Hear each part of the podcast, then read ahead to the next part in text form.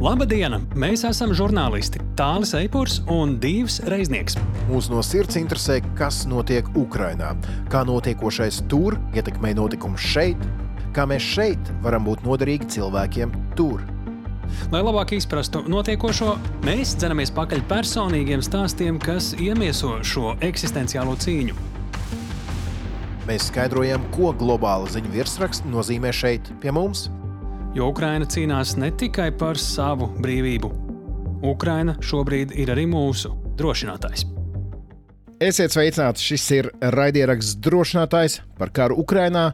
Tā 56. laidiens. Sveicināts tāli, sveiki klausītāji! Sveiki, sakām arī divam reizniekam, un paldies visiem tiem klausītājiem, kuri mūs nu jau, jāsaka, tā ir dzirdējuši. Arī mūsu epizode izskanām ēterā. Pirmo reizi tā bija pagājusī nedēļa. Nu, arī dienu pēc šīs epizodes iznākšanas būsim atkal ēterā kā katru piekdienu. Tas tā, sākumam, lai jūs pierastu atgādinām, bet par ko tad būs šī epizode? Paga, paga, paga, paga tāli. Es gribēju tikai atzīmēt, tad, kad mēs klausīsimies šo pēc gadiem, diviem, trījiem, piecpadsmit tad eh, jāatzīmē, ka šī ir tā diena, kad pirmo reizi pēc lielā kara sākuma Latvijā ir ieradies Ukraiņas prezidents. Vismaz tas ir tas, cik mēs daudz zinām, rakstot šo ierakstu iepriekšējā vakarā, trešdienas vakarā. Mēs zinām, ka Zelenskis bija Viļņā. Un dienā, kad iznāk šī jaunākā epizode, viņam ir jābūt eh, Rīgā, un iespējams, jūs jau viņu esat redzējuši kaut kur uh, liela diena. Lieldiena Lietuvā viņš jau bija NATO samita laikā Rīgā. Neatceros, ka te būtu bijis. Šis ir notikums, bet to, lai ziņu žurnālisti apskata kā jaunāko notikumu, mēs, kā parasti, ejam dziļumā, ejam personīgos stāstos. Šoreiz, 56. epizodē, mēs liksim priekšā sarunu ar Ukraiņu kamikādzes dronu piloti. Valentīnu Koropku, jeb kā viņu mēdz tur uz vietas saukt, un arī sociālajos tīklos Valiko Koropkādzi uzzināsiet arī sarunas laikā, kāpēc tieši tā, bet viņa ne tikai iznīcina pretinieku mērķus, bet arī vāc naudu armijai. Turklāt vēl arī īsi pirms atgriešanās eh, armijas rindās un ķeršanās pie drona vadības pults, viņa arī kļuva par māti. Sarunā dzirdēsiet gan par dronu kara īpatnībām un drona nozīmi karā, gan arī par to, kā tad ir būt mātei kara laukā. Jā, tas viss pavisam pēc īsa brīža, bet vispirms mūsu saruna ar uh, Kristīnu Bērziņu. Arī ar viņu mēs runāsim par droniem. Vispār šo epizodu mēs varam saukt drona epizodu. Tā tā derēs? Pārliecinoši. Ok. Tikko izlēmām, kā sauksies šī epizode. Paldies! Tā tas apmēram parasti arī notiek. Nu jā, tātad ar Kristīnu mēs runāsim par droniem. Tāpat arī runāsim par Vācijas kancleru, kurš kaunina Eiropu par nepietiekamajām ieroču piegādēm Ukrainai, lai arī pati Vācija nepiegādā to, ko sen jau prasa un lūdz Kīva. Tāpat mūsu uzmanības centrā arī šobrīd karstākais diskusiju temats pašā Ukrainā, proti gaidāmā mobilizācija, tāpat arī likumu izmaiņas, kas saistīts ar to. Ļoti karsts temats, bez tā apspriešanas neiztiksim šajā reizē. Lūk, mūsu saruna ar Kristīnu Bērziņu Vašingtonā.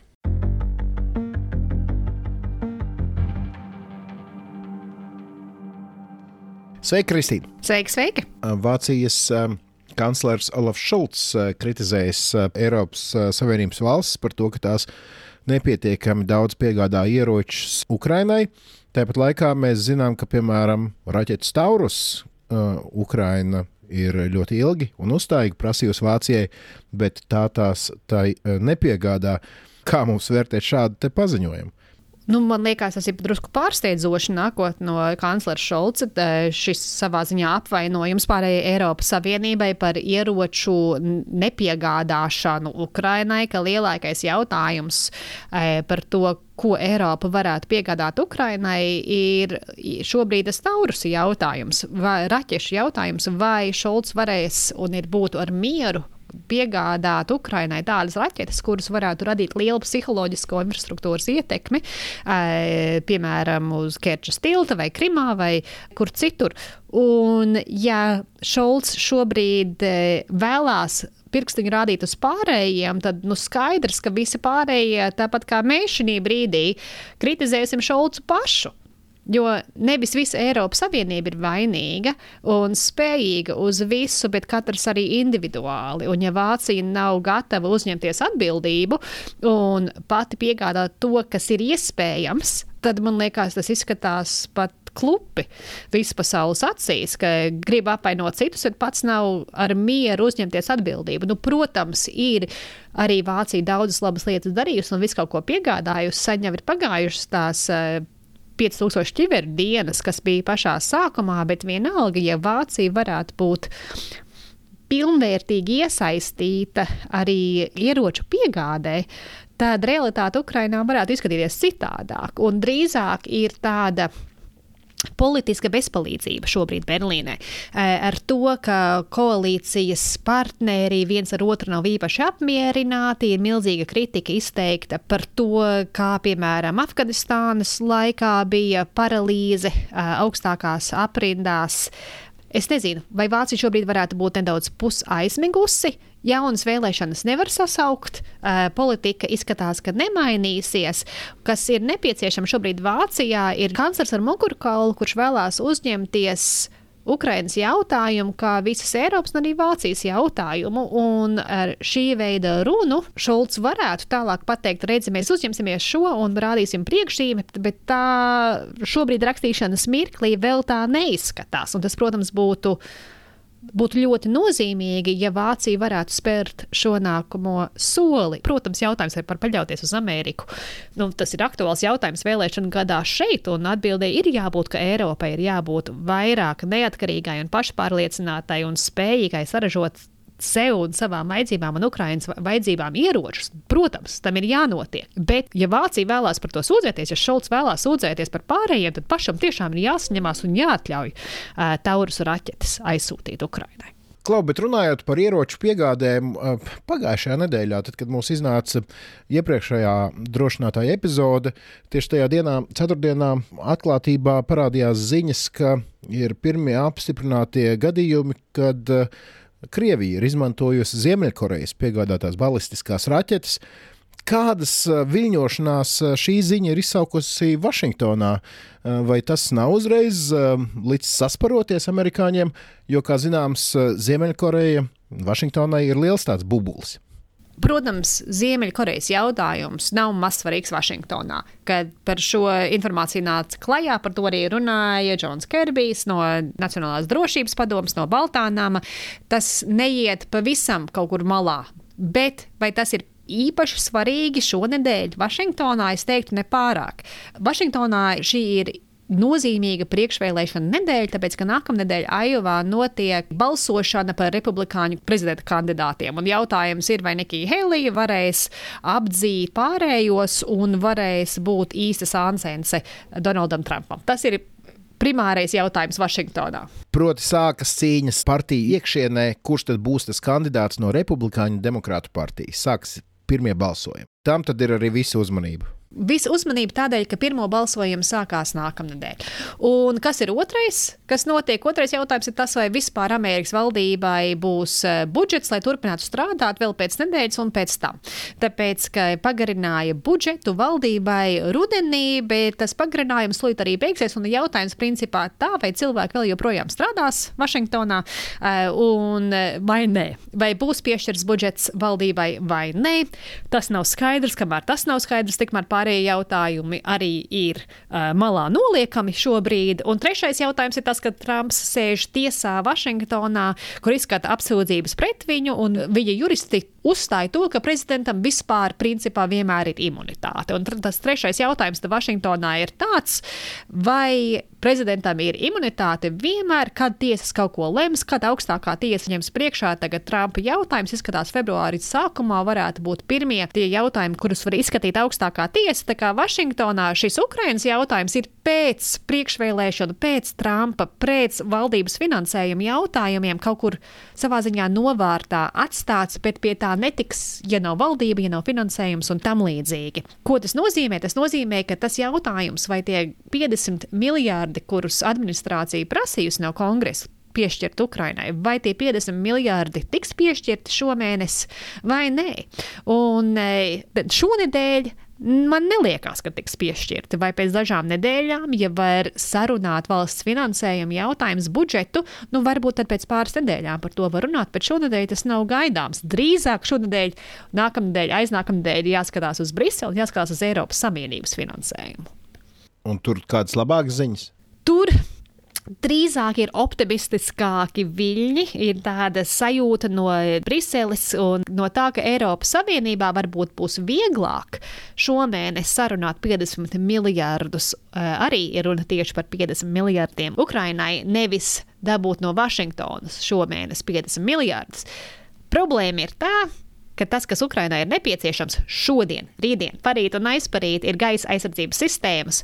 Un Ukrainai ir nepieciešama ne tikai nauda, protams, katru mēnesi ir nepieciešama nauda, bet Ukrainai ir nepieciešams gaisa aizsardzības sistēmas. Un ja Vašingtonā nepieņem 50 miljardu paketi Ukrainai, to papildus paketi, tad eh, vai Ukrainai pietiks gaisa aizsardzības sistēmām, ko šaut?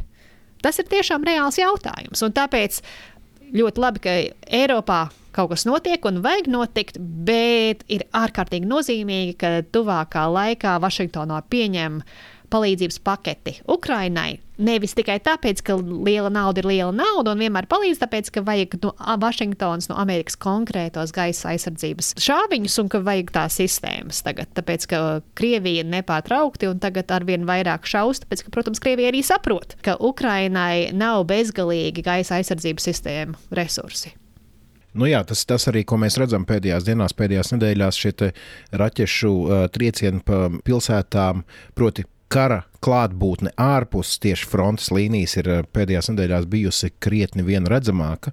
Un tieši tie raķešu triecieni tiek runāts par to, ka uh, tiek veikti tādēļ, lai mazinātu šos Ukraiņas rīcībā esošo raķešu daudzumu. Un zinot, ka tās piegādes ir kaut kur aizkavējušās vai ir apgrūtinātas. Uh, Tāpat laikā es dzirdēju vienu labu joku no Ukrāņiem, kā varētu risināt situāciju. Tur esot amerikāņiem daudzas raķetes jānoraksta šajā laikā. Ukraina ar Ameriku varētu noslēgt līgumu par to, ka vienkārši Ukraina apņemas iznīcināt šīs amerikāņu raķetes, kuras ir nokalpojušas savu laiku, bet tas, kā Ukraiņi tās raķetes iznīcinās, tas jau ir cits jautājums. būtu jau ļoti labi. Visu norakstāmo, bet arī visu to jaunāko. Tur daudz jau, daudz jau uzstāja to, ka visiem lieliem uh, ieroču ražotājiem būtu tieši jāsūta jaunākās sistēmas uz Ukrajinu, lai Ukraina pārbauda, kā viņi strādā un pieslīpē. Viena lieta ir kompjutora modelī paskatīties, vai darbojās vai nē, bet otra lieta ir pamēģināt arī kaujas laukā. Un tāpēc nevajag skatīties tikai uz to vecāko, to norakstāmāko, arī jāskatās uz to, vai nevajag tomēr tomēr pārbaudīt, kā tā jaunākā tehnoloģija strādā. Un varētu vis kaut kā radošāk pieiet. Nu, tas ir tas, par ko mēs esam arī šeit, man liekas, mūsu sarunās runājuši iepriekš. Tas īsti nav izprotams, jo uh, kāpēc tā uh, šie jaunākie ieroči nenonāk Ukrajinā, bet te uzreiz droši vien jāpiebilst, uh, ka droši vien ne visu mēs zinām, kas notiek, kādas piegādes tiek īstenotas un tā. Vēl tikai pavisam īsi precizējums par Ameriku.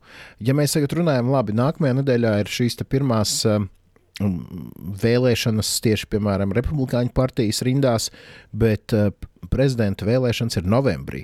Vai nebūs tā, ka visu laiku tagad, no šī brīža līdz pat novembrim, ka visu laiku kaut kas būs svarīgāks nekā Ukraina Amerikā? Par to jau ir bijušas bažas. Tāpēc jau tie, kas atbalsta Ukraiņu, vēlējās šo jautājumu dabūt cauri.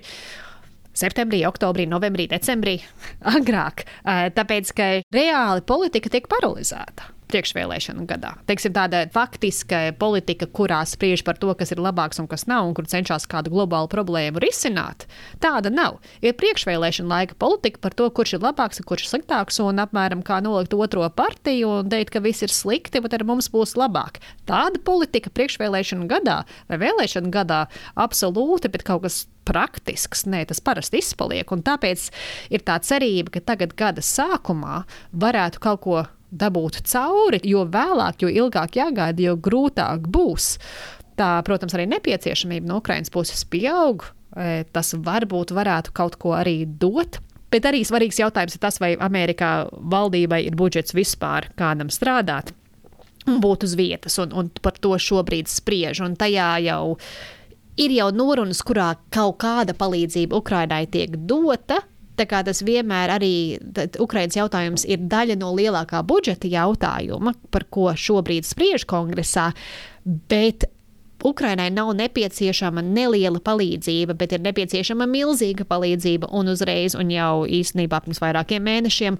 Tādēļ ir runa par šo lielo skaitli, to pie, par 50 miljo, miljardiem, lai varētu tagad uh, izturēt šo ziemu un atraidīt un notriekt Krievijas raķetes tā, lai gan iedzīvotāji, gan arī visa Ukrainas industrija, ražošana, enerģētikas infrastruktūra, lai tā būtu droša.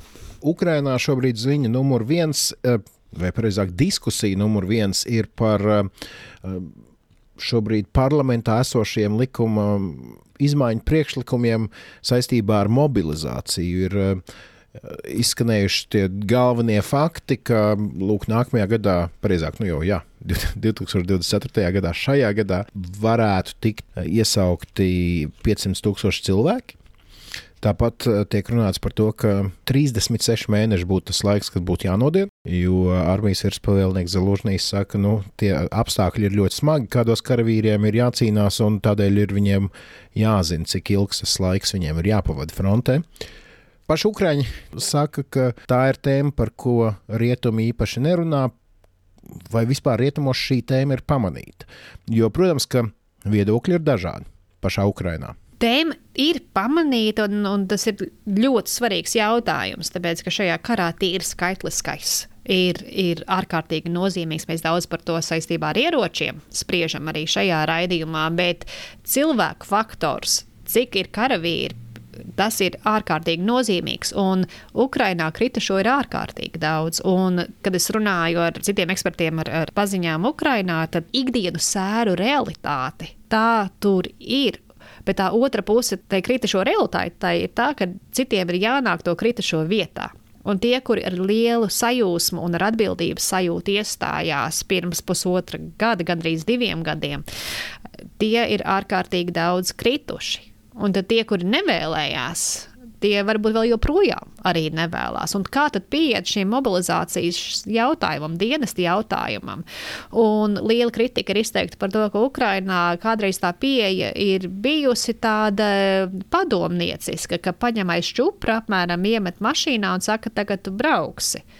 Bet tā arī nevar. Un jautājums, kā tagad Ukraina kara apstākļos maina savu militāro kultūru uz tādu, kurā daudz cilvēciskāk pieiet mobilizācijas jautājumam, ar to saprāšanu, ka, protams, šis jautājums ir absolūti nepieciešams, lai Ukraina varētu uzvarēt karu. Kā lai cilvēki arī izrāda savas vēlmes, savas spējas, lai katram individuālai talantu tiktu novērtēti un pielietoti valsts aizsardzības labā, bez tik brutālas un, un padomnieciskas vai autoritāras pieejas. Un to šobrīd Ukrainā cenšas izstrādāt, un tas ir ārkārtīgi svarīgi. Un tā ir īstenībā arī svarīga mācība un, un piemērs ne tikai Ukraiņiem pašiem, bet vispār visam bijušam austrumu blokam. Tāpēc, ka tā vecā padomnieciskā pieeja, kad ar, kad ar varu piespiež iestāties dienestā, tas ir atstājis arī savu rūkumu ilgtermiņā. Un, ja skatās vispār, cik Eiropā iestājās dienestā, jebkurā valstī, tie skaitļi ir stipri drūmi.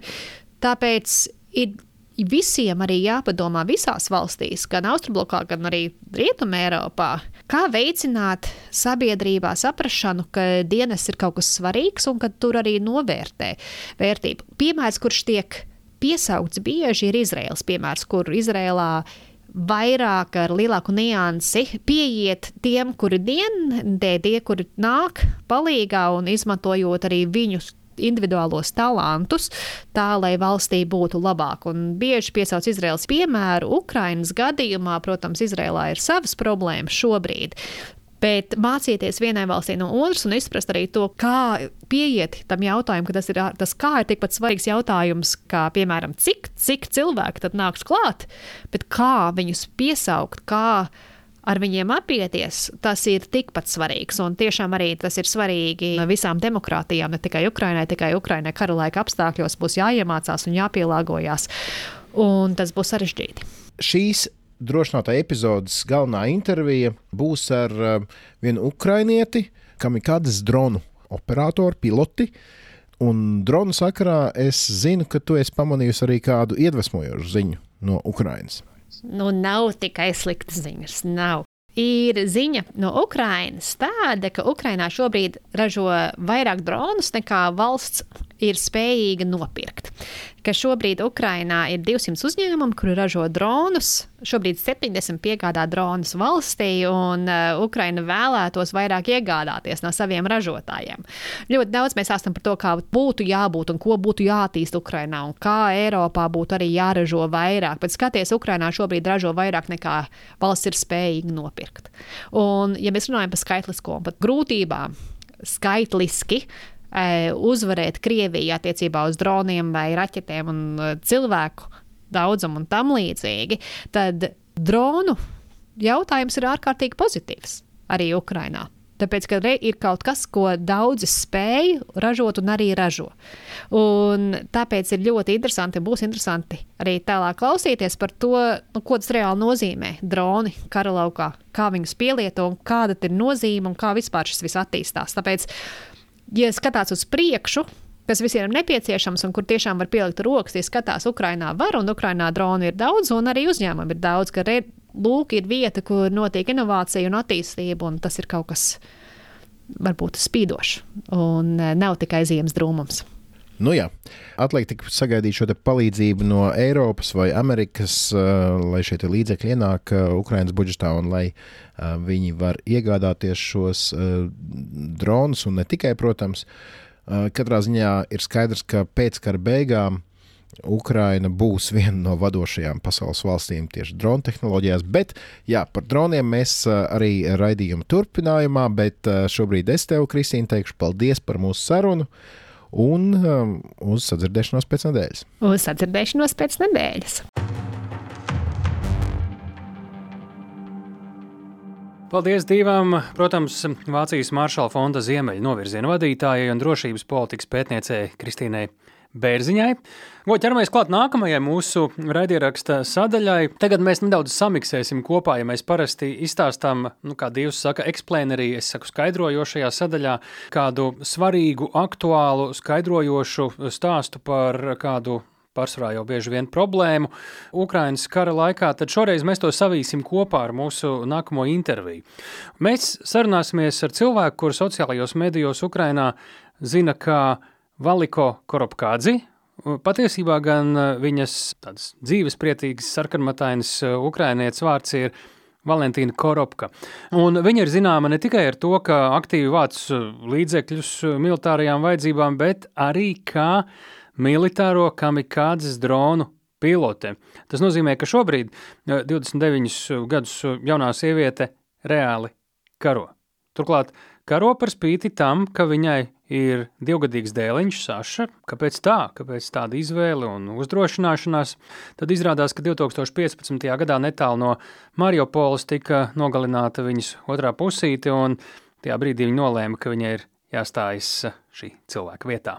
Un viņa man arī pirms sarunas sacīja, ka, nu, ja Ukraiņi neaizstāvēs Mariupoli, tad Krievi aizies līdz Poltavai, aizies līdz Kijavai, un Ukraiņiem vairs nebūs kur audzināt savus bērnus. Tieši ar šiem vārdiem faktiski viņi arī sāka mūsu sarunu, bet vēl pirms sarunas ir jāatgādina tāda īsa viņas biogrāfijas, vēl daži fakti, proti sākotnēji armijā Valiko uh, nemaz nebija kamikādas drona pilota, viņa vadīja kainieku kaujas mašīnas vai nu, bruņu mašīnas, tā arī mēdz teikt. Un piedāvām viņa arī pagūva vēl aprecēties 21. gadā, un uh, īsi tātad pirms Krievijas iebrukuma burtiski viņas ģimenē ienāca mazulis, un pēc kāda laika viņa jau bija atpakaļ armijā. Nu, tur gan komandieris šajā brīdī ir secinājis, ka vadīt kaujas mašīnu viņai varētu jau būt pārāk bīstami, pārāk tuvu ienaidniekam, jo daudzi viņas kolēģi šādi, diemžēl, ir nogalināti. Tāpēc viņa kļuva par kamikādas drona pilotu, un tas nozīmē ar dronu ietriekties mērķos un tos uzspridzināt. Bet Te tāda vēl viens solīts uz atpakaļ. Dienu, man liekas, mums arī jāpasaka par tiem droniem, ir, lai tad, kad mēs klausāmies interviju, klausītājiem jau ir skaidrāks. Ne? Un es saprotu, ka tu gatavojoties šai intervijai, esi ļoti iedziļinājies šajā tematā, tāpēc es labprāt uzklausīšu, ko esi noskaidrojis, un es ceru, ka arī klausītājiem tas būs Nu, interesanti. tad tā uz pirmo varētu pateikt, ar ko atšķiras FPV vai FPV drons. Jā, neparasti to es filmēju, bet FPV tas jau ir cits uh, zvērs, jo tad tu liec virsū brilles, un tas var būt mazāks, var būt lielāks, bet uh, lido nenormālā ātrumā. Un pirmā saskarsme ar FPV droniem daudziem mūsu klausītājiem varētu būt bijusi tad, kad viņi ir skatījušies kaut kādus video, piemēram, reklāmas video, kur kamera milzu ātrumā lido cauri, piemēram, mājām. Bet karš ir veicis korekcijas, un nu jau tos izmanto pavisam citādi. Lūk, ir šie FPV droni. Nu, tur karā filmēt ar šādiem droniem ļoti reti. Kurš to dara, jo lielā ātrumā tur neko precīzi nevar arī nofilmēt. Ja nu vienīgi ir jāpatrauc uz garām ienaidnieka pozīcijai, kur, nu, lai nu netrāpa pat šo dronu, tad lielā ātrumā filmē. Bet galvenais šiem droniem tiešām ir aizlidot līdz ienaidnieka mērķim un tajā ietriekties. Un tas nozīmē, faktiski, ka šis drons beidz dzīvot. Tas nozīmē, ka pilots ir ar brillēm viņu līdz šim mērķim aizvadījis. Un tas arī nozīmē, to, ka šī drona pilotam arī ir krietni vairāk jātrenējas. Jo tu neredzi to pulti, tu redzi Jep. tikai brilles ar tiem rādījumiem, kas tur ir, baterijai, ātrumam. Un šajā brīdī tiešām tie treniņi ir pietiekami nopietni, lai tu vispār saprastu, ko tu dari. Faktiski neredzot savus rokas, neredzot tos kloķīšus, ar kuriem tu vadi šo visu. Ir tie otri droni, ko mēs zinām, kas tā kā stabili nostājas gaisā, ko tur tā teikt liels vējš pat tur nevar kārtīgi izgrūstīt. Un ar tiem savukārt arī tos izmanto karā, bet ne lai spridzinātu, bet lai filmētu, izlūkotu. Es domāju, ka varbūt tos arī to es neprecizēju, izmanto arī to granātu nomešanai, lai precīzi varētu nomest. Yep. Tie yep. ir tādi stabilāki, viņiem ir dažādi sensori, kas palīdz to stabilitāti noturēt. Viņiem parasti ir arī labākas kameras, jo nu, labu kameru diez vai vienkārši tā katru reizi sašķaidīs pret tanku vai kaut ko līdzīgu. Tāpēc arī var saprast, ka tie kadri, kas ir filmēti sociālajos tīklos, mēs redzam ar šo FPV dronu. Nu, viņi parasti ir tādas švakas kvalitātes, jo tur vienkārši vajag saprast, apmēram, kur tu atrodies. Nu, cik no apmēram vajag saprast, kur tu atrodies. Un pēc tam tā kamera aiziet kopā ar dronu un ienaidnieku. Ar tiem otriem droniem gan tur tās kameriņas ir gan dažādas termo, gan nakts redzamības, gan tuvāka, tālāka redzamība, augstākas izšķirtspējas, jo nu, tur nu, tiešām ir jāredz labi, kur un kas atrodas. Nu, lūk, tā ir tā galvenā atšķirība. Protams, ka ir arī vēl visādi citi droni. Mēs kara sākumā labi iepazināmies ar Bairaktaru, arī tas ir drons. Arī Un to izmantoja Ukrāņu turku ražojumu. Nu, un tad, protams, ka ir arī šādi droni, par kuriem arī mēs esam stāstījuši. Arī tie ir droni, bet tos, nu, kā viņi tur fiksētā spārna droni, tā laikam bija precīzi. Tie ir it kā ātrāki, var ilgāk lidot. Tā pasaule ir ļoti, ļoti, ļoti plaša un dziļa. Tur vēl ir mikrodroni, ar kuriem visādām caurulēm var lidot un šaurām, šaurām vietām, bet tas jau vairs īsti nav stāsts par šo karu. Kā jau mēs arī runājām ar Kristīnu, tad pēc kara sākuma Ukrainā ir saradušies ļoti daudz lielāku, mazāku ražotāju, kuri veido savus dronus. Daži izmantojot ķīniešu kaut kādas sastāvdaļas, daži tur mēģina gandrīz no nulles taisīt. Nu, tas tā mazāk. Katrā ziņā mēs redzam, ka šī dronu industrija, sākot no mājražotājiem, ja tā var teikt, beidzot ar uzņēmumiem, kas arvien aug un aug un aug un aug, kara beigās būs nodrošinājuši, ka Ukraina būs viens no vadošajiem dronu ražotājiem pasaulē, it īpaši, ja mēs tagad ņemam vērā militāro pielietojumu.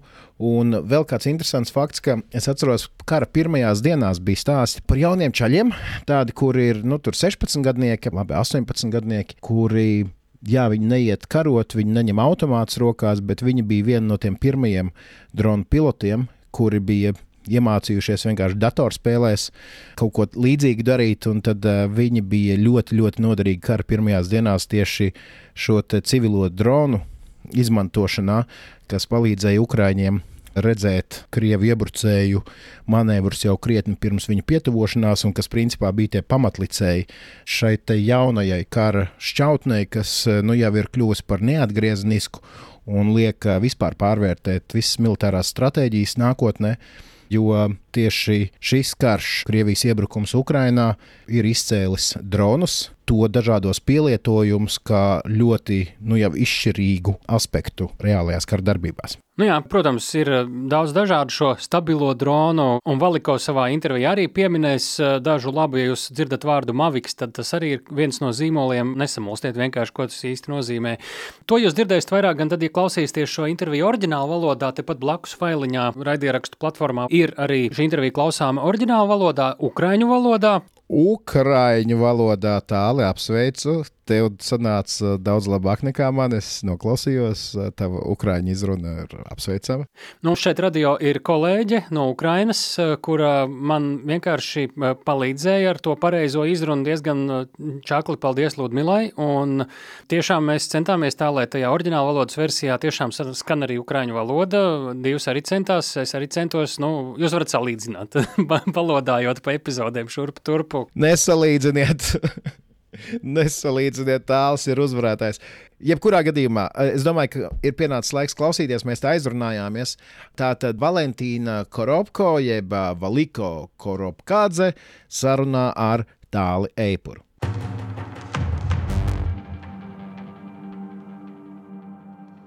Почнемо з того, хто ти є. Sveiki! Sāksim ar to, kas tu esi. Mums šeit ir rakstīts, ka esi kamikādze dronu pilote, citur, ka darbojies gaisa izlūkošanā. Lūdzu, izstāsti, kā tevi pareizi saukt un kas ir tas, ko tu dari karā. І що ти робиш під час війни? В нас зведений підрозділ, в якому є і Piloti-розвідники і piloti, які літають на дронах. Esam apvienojušies vienībā, kurai ir izlūkošanas piloti un piloti, kas lido ar kamikadzes droniem. Kamikadzes pilote proti izmantot arī izlūku bezpilota lidaparātus un var veikt izlūkošanas ne tikai ar parastiem civiliem droniem, bet arī ar kamikadzes droniem, jo tiem ir iespēja pagriezties arī atpakaļ. Можуть вести розвідку і на дронах камікадзе, тому що на них є можливість повертатися назад. Також у своєму підрозділі, окрім того, що я літаю, ще й buvāju штурманом. Neesmu tikai kamikāds dronu pilote. Savā vienībā esmu arī navigators savam partnerim, kurš arī lido. Tāpat paralēli nodarbojos ar līdzekļu vākšanu un meklēšanu. Runa ir par dažādu fondu piesaisti, lai savāktu līdzekļus un mums būtu ar ko lidot. Нас збирали кошти, і в нам було на чому літати. і змогла це втілити лише в 2019 році, обравши для себе одну з Bet līdz armijai man bija garš ceļš. Tur man izdevās nokļūt vien 2019. gadā. Tad izvēlējos vienu no militārajām profesijām, ko sievietes pēc armijas standartiem Ukrainā drīkstēja darīt. Tie nosaka, ka sievietes vieta ir sēdēt štabā, rakstīt papīrus vai būt radistei. Starp citu, oficiāli joprojām mana profesija ir tieši radiste, lai arī reāli dara jau pavisam ko citu, bet tik tālu esmu tikusi, lai arī par savu vietu bija jācīnās diezgan ilgi un neatlaidīgi.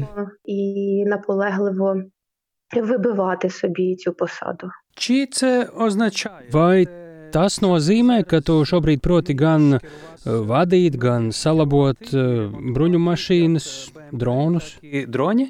Так, вмію керувати БМП і ну Jā, es protu braukt ar bruņu transportieri, bet remonts gan ir tāda diezgan relatīva lieta, jo tur ir arī sarežģītas detaļas, kuras šo mašīnu mehāniķi neremontē, bet gan sūta mašīnas uz rūpnīcu, vai arī remontē visa komanda kopā.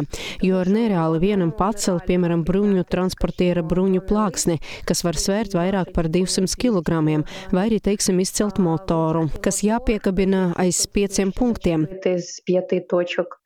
Ну, але керування дронами камікадзе набагато легша справа. Kamikādzes bezpilota lidaparātu vadīšana ir daudz vienkāršāka un interesantāka, bet tur savukārt vajadzīga lielāka brīvprātīgo resursu piesaiste. Un tur arī ir ļoti svarīgas personīgas īpašības un attieksme, jo mūsu militārā sistēma joprojām nav pielāgota tādai jaunai praksē, kā kamikādzes bezpilota lidaparātu pilotēšana. Відньої практики, як пілотування дронів камікадзе.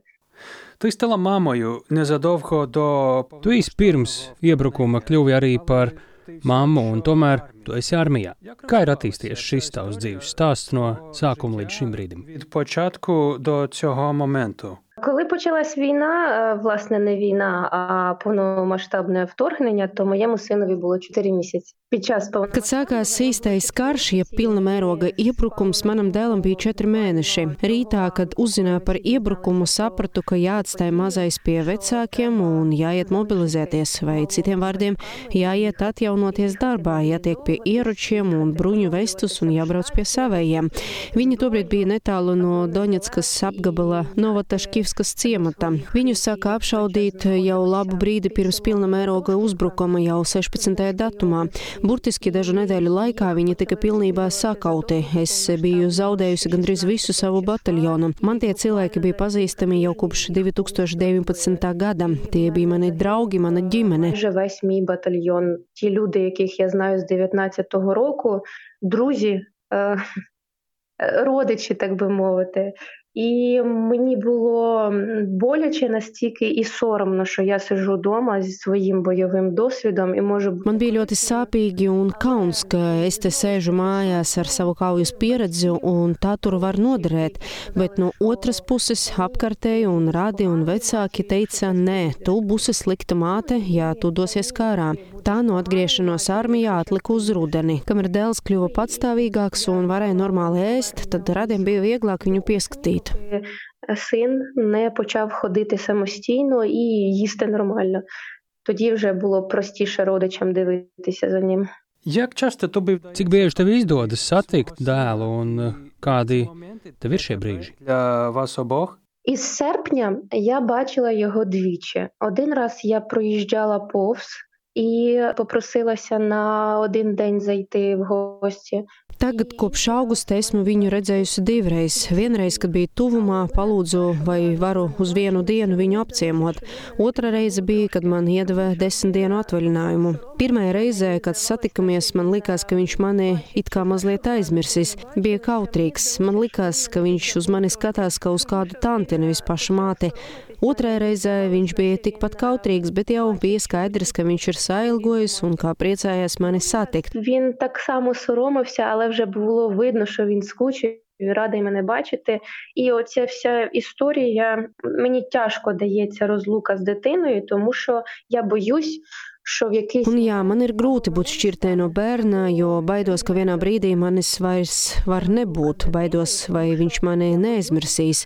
Es šobrīd burtiski zaudēju laiku, ko būtu varējusi pavadīt kopā ar viņu, un šos zaudētos mirkļus atgūt es vairs nekādi nevarēšu. а, втрачу той час, який би могла провести з ним, і не зможу повернути втрачені моменти. Pa telefonu, kā ar sazināšanos pa. По телефону і інше. Він, він от грається собі. Він там десь хвилину на мене подивився і починає дуріть, показувати мамі все підряд, а потім Telefonā ir tā, ka viņš tur vairāk ar sevi spēlējas, kādu brītiņu skatās uz mani un saka radīt mammai visu pēc kārtas, bet tad viņš novēršas un jau dara kaut ko savu.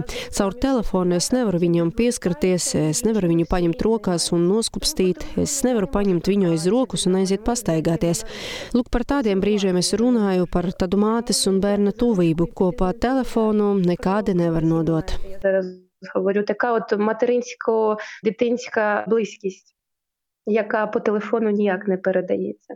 Що ти думаєш про Ko tu domā par savu un savas ģimenes nākotni? Є багато розмов з боку ворога про те, що вони планують продовжувати війну. І дивлячись на те, як е, країни Заходу, частина країн Євросоюзу допомагають або ж Tiek daudz runāts, ka ienaidnieks plāno karu turpināt, un skatoties, kā rietumu valstis, dažas Eiropas Savienības valstis palīdz vai ne īpaši ātri palīdz, man šķiet, ka ir reāli, ka tāpēc ienaidnieks pilnībā var ieņemt Harkivas un Dņepropetrovskas apgabalus, un pat manu dzimto Poltavas apgabalu. Esmu to apdomājusi un sapratusi, ka savu ģimeni būtu jāved kaut kur tālāk, bet pati turpinātu dienestu armijā. Manuprāt, tā būtu laba doma, un es plānoju to īstenot. сама продовжуватиму службу.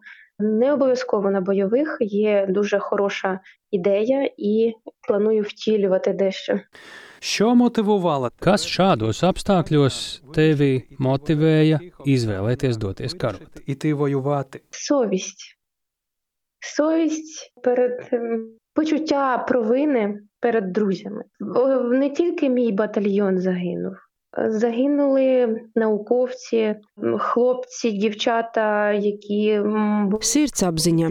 Sirdsapziņa un vainas sajūta draugu priekšā, jo bojā gāja ne jau tikai mans bataljons. Tajā mira zinātnieki, puiši un meitenes, kas varēja būt sabiedrības augšgals, topošie aktivisti, pazīstami rakstnieki.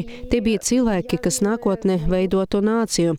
Es viņus pazinu un es ar viņam izgāju cauri daudz kam - Maidanam, dažādiem protestiem, akcijām Ukraiņu valodas ieviešanas atbalstam un citām lietām. Un te vienā brīdī es redzu, ka viņi visi mirst, redzu, ko viņa upurē un ko zaudē šajā karā, kamēr es nedaru neko. Tāpēc pirmkārt tā ir sirdsapziņa un arī tas, ka ja es tagad neiešu, kurš tad ies manā vietā? І що вони, чим вони жертвують, і що вони втрачають на цій війні, в той час як я нічого не роблю. Тому це передусім совість. Совість і інше це якщо я зараз не піду, то хто піде замість мене? Ким би ти Kas tu būtu, ja kara nebūtu? не було війни? Не знаю. В мене якось почало почала складатися кар'єра СММ. Nezinu. Kaut kā sāktu veidot karjeru sociālo mēdīju mārketingā, strādātu ar tekstiem vai mājaslapu uzturēšanu, ar sociālajiem tīkliem. Man patika un arī biju plānojusi studēt UX vai mājaslapu lietošanas pieredzes dizainu. Uzrakstīju grāmatu, tāpat nākotnē man varēja būt vēl viens bērns. Народження ще однієї дитини в майбутньому можливо. А, Це не обов'язково мала бути військова Tai noteikti nebija jābūt militārajai karjerai, jo armija gluži otrādi nepalīdz augt. Tā tevi apspiež un noniecina un padara par vergu. Mūsu armija šodien ir būvēta uz padomju standartiem, un tajos karavīrs nav nekas. Viņš ir tikai kaujas vienība. ніщо, він просто бойова одиниця. Поговоримо, pārunāsim par to, ko tu dari tieši šobrīd. Un sāksim ar to, kāpēc tu nonāci tieši pie droniem. Поки я була цивільною, ну скажімо так, я не була цивільною, я була військовою в декреті. Kamēr es biju civilajā dzīvē, nu labi, ne civilajā, bet gan militāra persona grūtniecības un bērnu kopšanas atvaļinājumā, es vēroju iebrukuma sākuma periodu, un es pazinu Mariju Berlīnsku un Ļubu Šipoviču no fonda Dignitas un no Viktori Dronas. Marija par dronēm runāja jau kopš 2014. gada, un tur viņi jau reāli īstenoja apmācību šajā jomā. Ще з 14-го року про це говорила. А от тут вони вже буквально почали впроваджувати навчання цьому. І їхня аналітика показала, що е, за дронами і за дронами камікадзе Un viņi ir secinājuši, ka tieši droni un kamikādzes droni ir viens no uzvaras stūrakmeņiem, un ka tieši ar šo metodi mēs varēsim sasniegt savus mērķus. Šobrīd lielākā daļa militāro stratēģiju ir novecojušas, un šīs modernās tehnoloģijas, arī droni, bezpilota jūras droni, ne tikai gaisa, bet arī jūras un zemūdens droni, tas ir tas, kas mums palīdzēs uzvarēt šajā kārā. Tiesa, mūsu valdība to neatbalsta. Ne, se, te, šo dopumu допоможе нам виграти в цій війні. Єдине, що наша влада не сприяє. Як розумію, Es saprotu, ir pat speciālā kā, programma, kur darboties ar droniem, tiek apmācīts tieši sievietes. Вони спочатку навчали всіх, навчали на передовій, е, там на нулі приїжджали і тижня-два проводили свої курси. Sākumā viņi apmācīja visus. Tad tie bija divu nedēļu kursi frontes pirmajā līnijās. Mums ir tāds veikalu tīkls Eva, un viņi jautāja Ļubai, varbūt mēs varam ko tādu izveidot tieši meitenēm. Mūsu draudzene Ļuba jau bija gaisa izlūkošanas virsnieks. Viņa lidoja ar Mavic droniem. Viņa bija viena no pirmajām, un viņa sardzēja, ka tā ir laba doma un teica, pamēģināsim. Varam savākt zināmu skaitu meitiņu no dažādām vienībām un iemācīt lidot jauktās grupās ar puišiem. Un tā arī tas tika izdarīts. Pagaidām tas vēl nav simts meitenes tieši ar kamikadz dronēm, bet eh, papildus tam viņi māca arī lidot ar parastajiem civilējiem kopteriem, piemēram, DG vai Autel dronēm. Але поруч із цим навчають ще й е, літати на крилах і на звичайних цивільних коптерах типу DJI е, або Autel. як складно чи як легко це? Cik tad sarežģīti vai viegli tas ir apgūt dronu vadīšanu, trenēties un pēc tam to izmantot eh, reālajā karā? У реальної війни. Е, Є тренажер ліфтов, програма, яку будь-хто може собі придбати в стімі. Будь-хто може купити собі пульт. Е, Скажімо, недавно вийшов Ir dronu simulators, programma, kuru ik viens var nopirkt internetā. Ik viens var nopirkt arī pulti. Piemēram, nesen tika izlaista pults, kas maksā ap 2,5 tūkstoši hrivnām, jeb ap 60 eiro. Brilles, protams, ir dārgākas, sākot no 250 eiro, bet mācoties, bez tam var arī iztikt. Var nopirkt sev pulti ar programmu un mācīties. Vēl pirmās sākotnējas apmācības ar šo programmu vajadzēja patrenēties kādu nedēļu. Tas jādara līdz brīdim, kad acu nervu gali sapratīs un smadzenes un rokas pieradīs vienlaikus darboties četros dažādos virzienos. Це поки нервові закінчення, нейронні оці всі зрозуміють. І мозок та руки звикнуть контролювати чотири різні осі одночасно. Саме в FPV не будемо порівнювати їх із цивільними дронами, як Mavic, тому що е, Mavic може пілотувати навіть дитина. Ти можеш там пити каву паралельно, не знаю, хлопці там хто курити цигарку. Tas tā ir ar FPV droniem. Nesalīdzināsim tos ar civilējiem droniem kā Mavic, jo Mavic var pilotēt pat bērns. Ar Mavic var paralēli pat kafiju iedzert vai uzsmiķēt, bet FPV ir pavisam cita lieta. Ja runājam par 15 minūšu lidojumu, kaujas apstākļos tas var būt arī krietni mazāk, kādas 5 minūtes, visu šo laiku tu esi saspringts un maksimāli koncentrējies. Tu skaties tikai savās brīlēs un nevari skatīties uz tālvaldības pulti, jo viss redzams tikai caur brīlēm. FPV dronam nav stabilizācijas, tāpēc tur jākontrolē gan kreisā, gan labā puse, ātrums, dzinēju griešanas jauda un paralēli jāseko ekrānā, cik vēl atlikusi baterija. І паралельно слідкувати на екрані за тим, як просідає батарейка, скільки вже використано амперів. Так само він розганяється там від ну нехай до 120 кілометрів він може розганятися, і він наскільки швидкий і різкий, що ним дуже важко. Drona ātrums var sasniegt līdz pat 120 km/h. Tas kustās tik ātri un asi, ka sākumā to ir ļoti grūti savaldīt, bet, kad ar simulātoru ir lidotas kādas 40 stundas, tad pārceļoties uz poligona un kaujas apstākļiem, lidot jau ir diezgan vieglāk. Lai gan apmācāmies saka, ka simulatorā lidot ir pat grūtāk nekā dzīvē, un ir cilvēki, kas saka, ka man nekas nesenāks, bet iedodiet pulti uz četrām dienām, un es iemācīšos, sapratīšu sistēmu, un man viss izdosies, jo tas ir ilgs process. Ja, piemēram, nelido vienu vai divas dienas, tad prasmes sāk zust. Ar to mūsu darmais atšķiras no parastajiem kopteriem. Sistēmu, ja вийде, а в них нічого не вийде, тому що це довгий процес. І якщо ти, наприклад, не літаєш один-два дні, то навички втрачаються. От чим це відрізняється від звичайних коптерів? На це питання можна не var arī neatbildēt, bet es tomēr pajautāšu, vai tu vari pateikt, cik daudz mērķu tu esi iznīcinājusi? Ми літаємо не заради відео, ми літаємо заради цілі. Е, І не завжди в тебе є можливість організувати відеозйомку із Мавіка, щоб це було видно збоку. Ти не знаєш наскільки точно ти попав, тому що часто через реп е, купольний Mēs nelidojam, lai nofilmētu video, mēs lidojam, lai trāpītu mērķī. Un nevienmēr ir iespēja nodrošināt filmēšanu no malas ar citu dronu, lai redzētu, cik precīzi ir trāpīts. Video bieži ir pāravumi netālu no mērķa, un tur var neieraudzīt, kur tieši ir trāpīts. Var trāpīt kaut kur citur, desmit metrus tālāk vai piecus metrus uz sāniem, bet var trāpīt arī tieši mērķī. Un civilo trūkuma dēļ mēs nevienmēr nofilmējam pašu procesu. Tāpēc es nezinu, cik reižu esmu trāpījusi, bet zinu, ka noteikti mēdzu trāpīt. Un pat ja tas neskan pārāk labi, šobrīd man gandrīz puse no visiem FPV pa ceļam apmaldās. Tie vai nu nokrit signāla slāpētāju dēļ, vai nu tiek notriekti, vai arī, teiksim, nokrīt, kad komandēri liek lidot, piemēram, biezā miglā. Vieglā. Viņi liek lidot uz mērķi par spīti mūsu norādījumu, ka tas nav pareizi. FPV ir vaļais korpus, tāpēc lietainā vai mitrā vidē tur kaut kas var saiet uz īso. Attiecīgi nevar zināt, kurā brīdī pazudīs kontrole un kur tieši drons nokritīs. Tādā brīdī ir arī liela vārbūtība, ka tas uzkrīt uz mūsu pušu galvām. Arī tā ir gadījies, tāpēc mēs rūpīgi strādājam ar tehniku.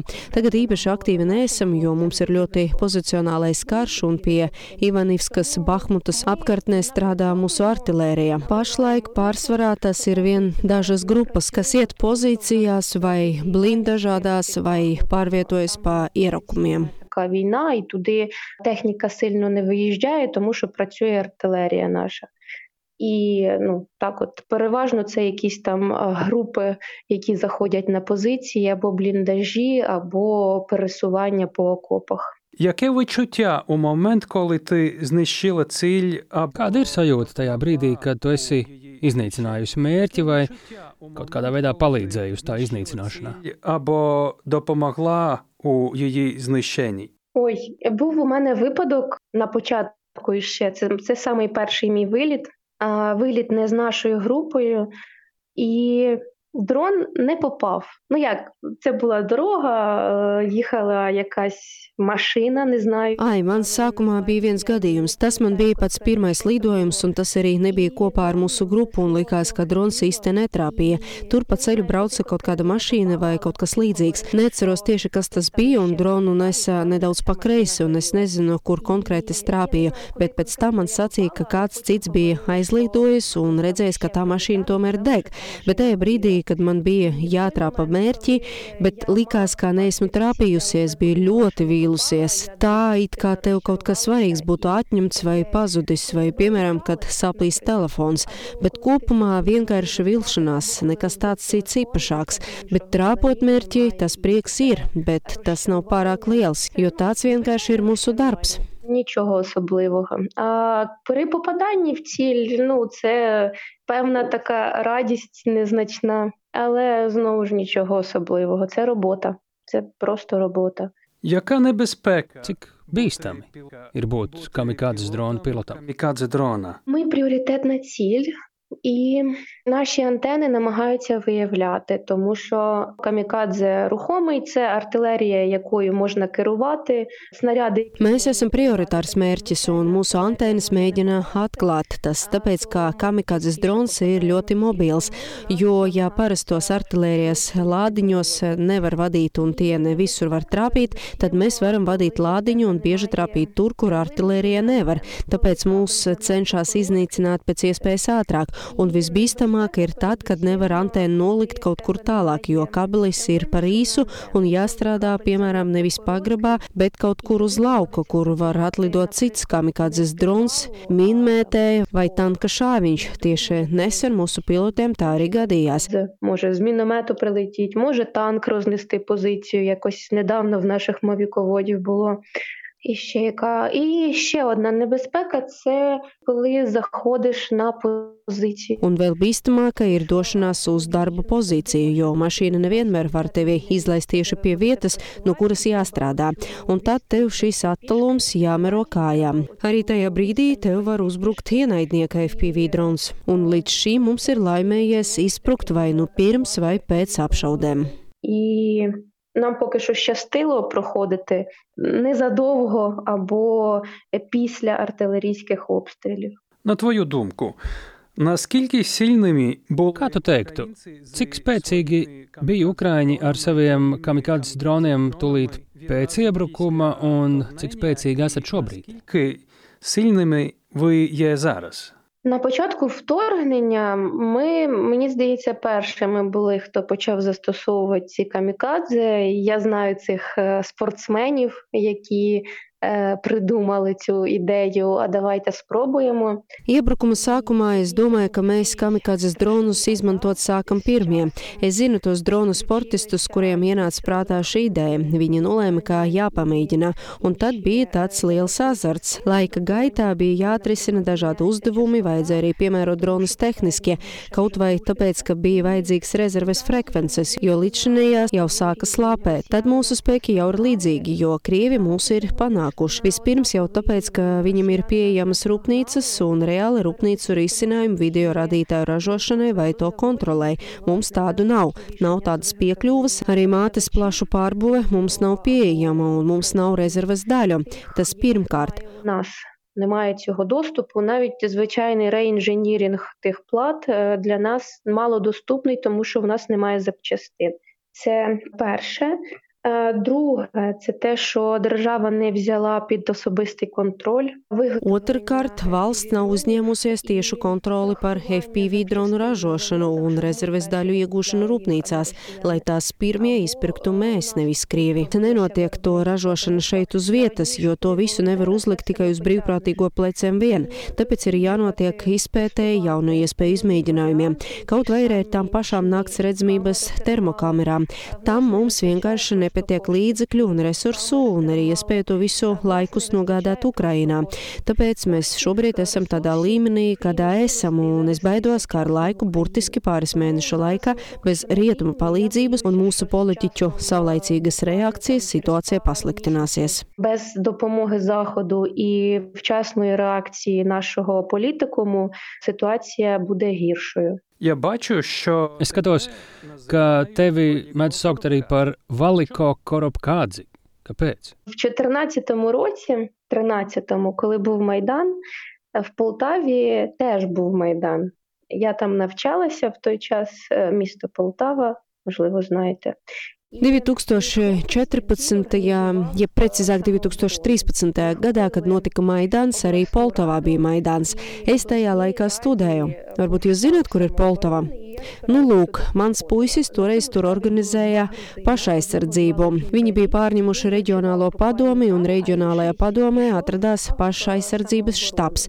Es tur devos katru rītu. Tur bija divi gruzīni, vienu sauca Džumbarī, un viņš tur burtiski nakšņoja, bet otrs panākti devās pie ģimenes, bet no rīta mēs ar viņu uz štabu nācām reizē. Kad mēs tur ieradāmies, Džumbarī jau sauca O, Vaļika. Izrādās tā sauca viņa vectēvu. Laika gaitā Тайрі мене є соц Валіком. І коли ми заходили, то Джунбері о, Валіко! І він мав на увазі того діда, бо його звали Валіко, але з часом вони і мене Валіко прозвали. Отак і пішло. Ми зазвичай Mēs vienmēr beigās jautājam, ko jums personīgi novēlēt? Особисто побажаєте. Собі особисто побажати.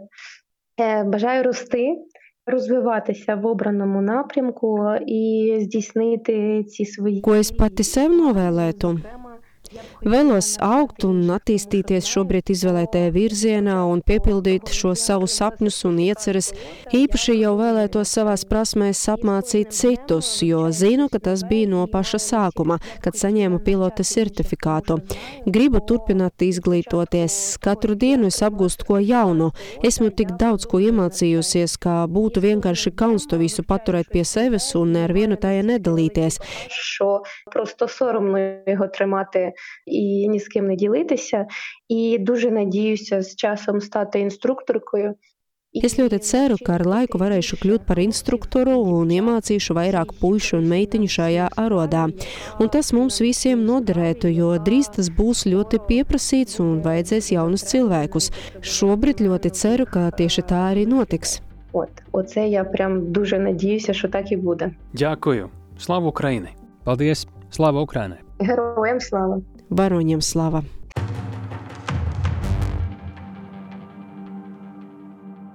Paldies Tālim Eipuram. Tā bija viņa saruna ar Valentīnu Koropko, jeb uh, Valiko Koropkādzi, Ukrainas uh, kamikādas dronu operatoru. Spridzina smadzenes. Šāda saruna. Nu, jā, es ceru, ka Valiko jau mūsu sarunas laikā jau ir nevienu ienaidnieku mērķi arī saspridzinājusi. Man kaut kā neiet kopā gan tās viņas vizuālais tēls, maiga, sarkanmataņa, čirkaina meitene ar drediem un tas, ka viņa spridzina ienaidniekus. Es domāju, viņai tā pārliecība, spīts, spējas ir pilnīgi citā līmenī nekā viņas ārējais izskats, kas varbūt maldinošs un balss, kas ir jauns meitenes balss. Un tas, ko es gribēju vēl pateikt pēc šīs sarunas, nu, ka pavisam noteikti arī, ko Valiko sacīja, ka šī industrija noteikti ir viens no šī kara un arī uzvaras stūrakmeņiem dronu pilotēšana, kam ir kādas droni, pārējie droni. Tas ir skaidri pierādījies. Divi man arī pirms šīs sarunas atsūtīja saiti, kur viens eksperts stāsta par to, kā šis karš ir mainījis ieroču pielietojumu un cik būtiski ir cēlusies drona nozīme. Nu, vai mēs šobrīd, piemēram, tik daudz kā šī iebrukuma sākumā dzirdam par tiem pašiem javeliniem? Nu, ir vienkārši kara ekonomika, visu salikusi pa vietām, un ar vienu javelinu jā, var iznīcināt tanku, dažus okupantus, un uh, tie ir apmēram 200 tūkstoši dolāru. Ja? Tajā pašā laikā to var izdarīt ar krietni daudzreiz lētāku dronu tādus dronus par tādu javelinu cenu var nopirkt veselu kaudzīti. Un uh, meistarīgi ar tiem darbojoties, var nodarīt krietni lielāku postu. Droni vienkārši ir lētāki, efektīvāki, varbūt ne tik stipri, bet uh, prasmīgi lietojot, tas strādā.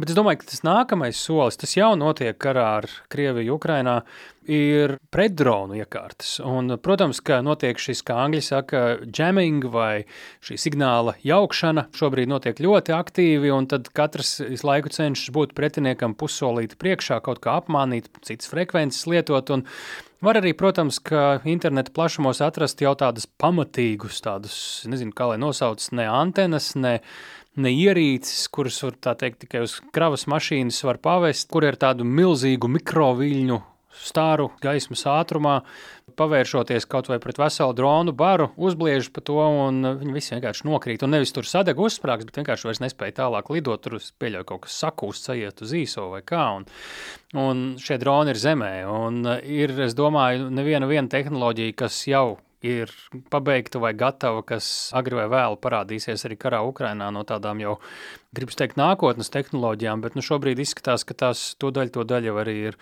tagad tehnoloģijas ar visiem šiem mikroviļņiem un ko tikai vēl ne. Nu, te jāsaprot, ka dronu joma šajā brīdī Ukrainā attīstās nenormāliem tempiem. Tas, kas bija varbūt kaut kas neredzēts pirms gada, pusotra, tagad ir ikdiena. Un, uh, Pilnīgi skaidrs, ka, ja karš turpināsies vēl gadu, atkal varēsim taisīt mierīgi jaunu epizodi, jo noteikti būs daudz visādi jaunievedumi. Jo te ir kā jau karā. Viens izdomā kādu risinājumu, otrs izdomā, kā ar to cīnīties tālāk šādi tiek dzītas abas puses uz priekšu, un nevajag domāt, ka ir tikai Ukrainas pusē. Šie droni tāpat ir arī Krievijā, un par ko šobrīd ir satraukums, ir tas, ka viens ir tas, ka Irāna palīdz ar šiem nosacītiem lielajiem droniem, šahediem, bet otrs ir, ka arī pašā Krievijā ir izveidots jau rūpnīcas, kur industriālos apjomos eh, droni tiek eh, ražoti. Jā, esot eh, krietni sliktākas kvalitātes un tam līdzīgi, bet tie ir. Nē, nu jā, un jāsaprot, ka, ja, arī jūs Latvijā dzirdat organizācijas, kuras uh, nodarbojas ar palīdzības vākšanu un sūtīšanu uz Ukrajinu, un arī šeit pie mums Latvijā viņi vāc naudu uh, dronu iegādēji, tad ziniet, ka tā dronu izdzīvošanas ilgums frontē esot nu, tur trīs, desmit dienas. Tas jau desmit dienas jau laikam skaitās daudz, un, protams, atkarīgs kurā vietā frontē tieši un kādu uzdevumu. Un, protams, ka mēs tagad nerunājam par kamikadzes droniem, kur dzīves mērķis ir tikt iznīcinātam kopā ar pretinieka tehniku vai pašu pretinieku, bet eh, šiem visiem pārējiem novērošanas droniem, eh, izlūkdroniem un tā tālāk arī to dzīve ir eh, visai īsa frontē. Tāpēc, ja dzirdat, ka tavi draugi vai kāda cita organizācija šeit Latvijā vāc līdzekļus dronu iegādēji un to nogādāšanai uz Ukrajinu, ziniet, ka tas tiešām ir ļoti, ļoti vajadzīgs tur frontē. Un, ja varat, tad uh, atbalstiet šos uh, aicinājumus. Nu, un, protams, varat atrast sociālajos tīklos Valiko Koropkādzi, skatīties, kā var palīdzēt viņai. Tur parādās ik pa laikam kādi uzsaukumi, kur atkal un kā ir vajadzīga palīdzība, naudiski, droniski vai vēl kā citādi. Paldies, ka klausījāties šo epizodi. Tā bija jau 56. šeit drošinātājā. Mēs ar lielu uzmanību vienmēr izlasām to, ko jūs mums esat atrakstījuši, iekomentējuši zem vai pie mūsu publikācijām sociālajos tīklos. Meklējiet tur vai divu reiznieku vai tālu eipuru. Mūsu e-pasta adrese, kur varat rakstīt mums ierosinājumus vai precizējums, vienalga, kas jums ir sakāms, drošinātājs at Latvijas radio LV. Un, eh, protams, ka arī saruna ar Valiko Koropkādzi, jeb Valentīnu Koropku, meklējama arī LSMLV, tur arī redzēsiet, kā viņi izskatās, un tiem, kuriem lasīšana ir tuvāk pie sirds, tā ir jūsu vieta, savukārt, kur šo interviju varat iepazīt. Tas šai reizē arī viss. Rakstiet mums, droši vien Latvijas radio LV un uh, visu labu. Un atcerieties, drošinātājs tas ir skaidri un personīgi par karu Ukrajinā.